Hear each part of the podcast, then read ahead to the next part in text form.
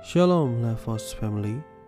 Mari kita dengar dari Matius 3 ayat 8 Jadi hasilkanlah buah yang sesuai dengan pertobatan.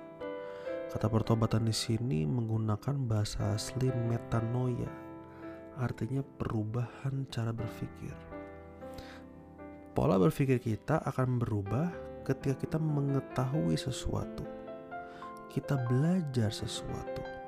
Makanya di ayat lain Roma 12 ayat 2 berkata Janganlah kamu menjadi serupa dengan dunia ini. Gimana cara biar tidak serupa dengan dunia ini? Dengan cara memperbaharui budimu Sehingga kau bisa bedain mana yang baik, berkenan, dan sempurna. Pembaruan budi dilakukan dengan belajar Dengan mencari tahu. Bagaimana kita tahu yang A itu adalah makanan sehat Dan yang B adalah makanan jahat dari mana kita tahu? Dengan belajar. Oh ternyata makanan sehat seperti ini, makanan jahat seperti ini. Kita belajar baru kita ketahui.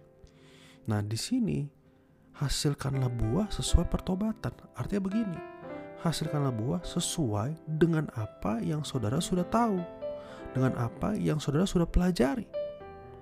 Nah makanya dalam kekristenan, dalam perjalanan iman kita, kita diajak, dibimbing untuk boleh terus belajar firman Tuhan.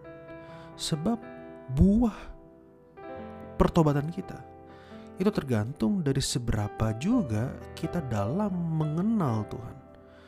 Mengetahui tentang firman Tuhan. Karena ingat, metanoia, pertobatan Ketika saudara makin mengetahui, maka saudara punya peluru untuk menghasilkan buah. Tapi jika saudara tidak punya pengetahuan, tidak punya keinginan untuk belajar, metanoia, mengalami pembaruan budi, maka saudara tidak punya peluru untuk menghasilkan buah. Dan kalaupun menghasilkan buah, maka buah yang dihasilkan ya mungkin hanya sebatas dengan apa yang saudara tahu. Nah jadi waktu Yohanes Pembaptis berkata hasilkanlah buah sesuai dengan pertobatan dia itu sedang berkata kepada orang-orang Farisi dan orang-orang Saduki.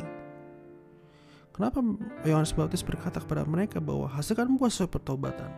Sebab Yohanes Pembaptis mau mengkritik mereka, hei kamu itu orang-orang yang tahu firman Tuhan. Tapi kenapa engkau mengetahuinya tetapi tidak ada buah dalam hidupmu? Begitu. Artinya begini, dia mempunyai metanoia, tapi mengapa tidak ada buah di dalamnya? Makanya di ayat lain dikatakan bahwa kita tidak mendengar firman saja, tapi kita adalah pelaku firman.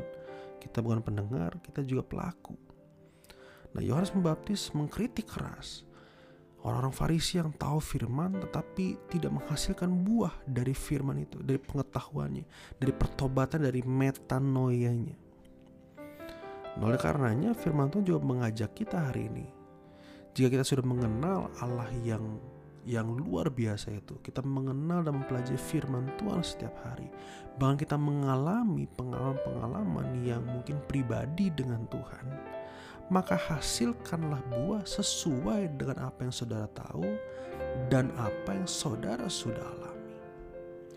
Sebab jika buah itu tidak nampak, maka firman Tuhan yang saudara pelajari atau mungkin pengalaman real yang saudara alami dengan Tuhan hanya akan menjadi sebatas pengetahuan atau pengalaman tok tapi tidak menjadi sebuah perubahan iman atau kedalaman iman di mana saudara mempercayai Tuhan melakukan kehendaknya.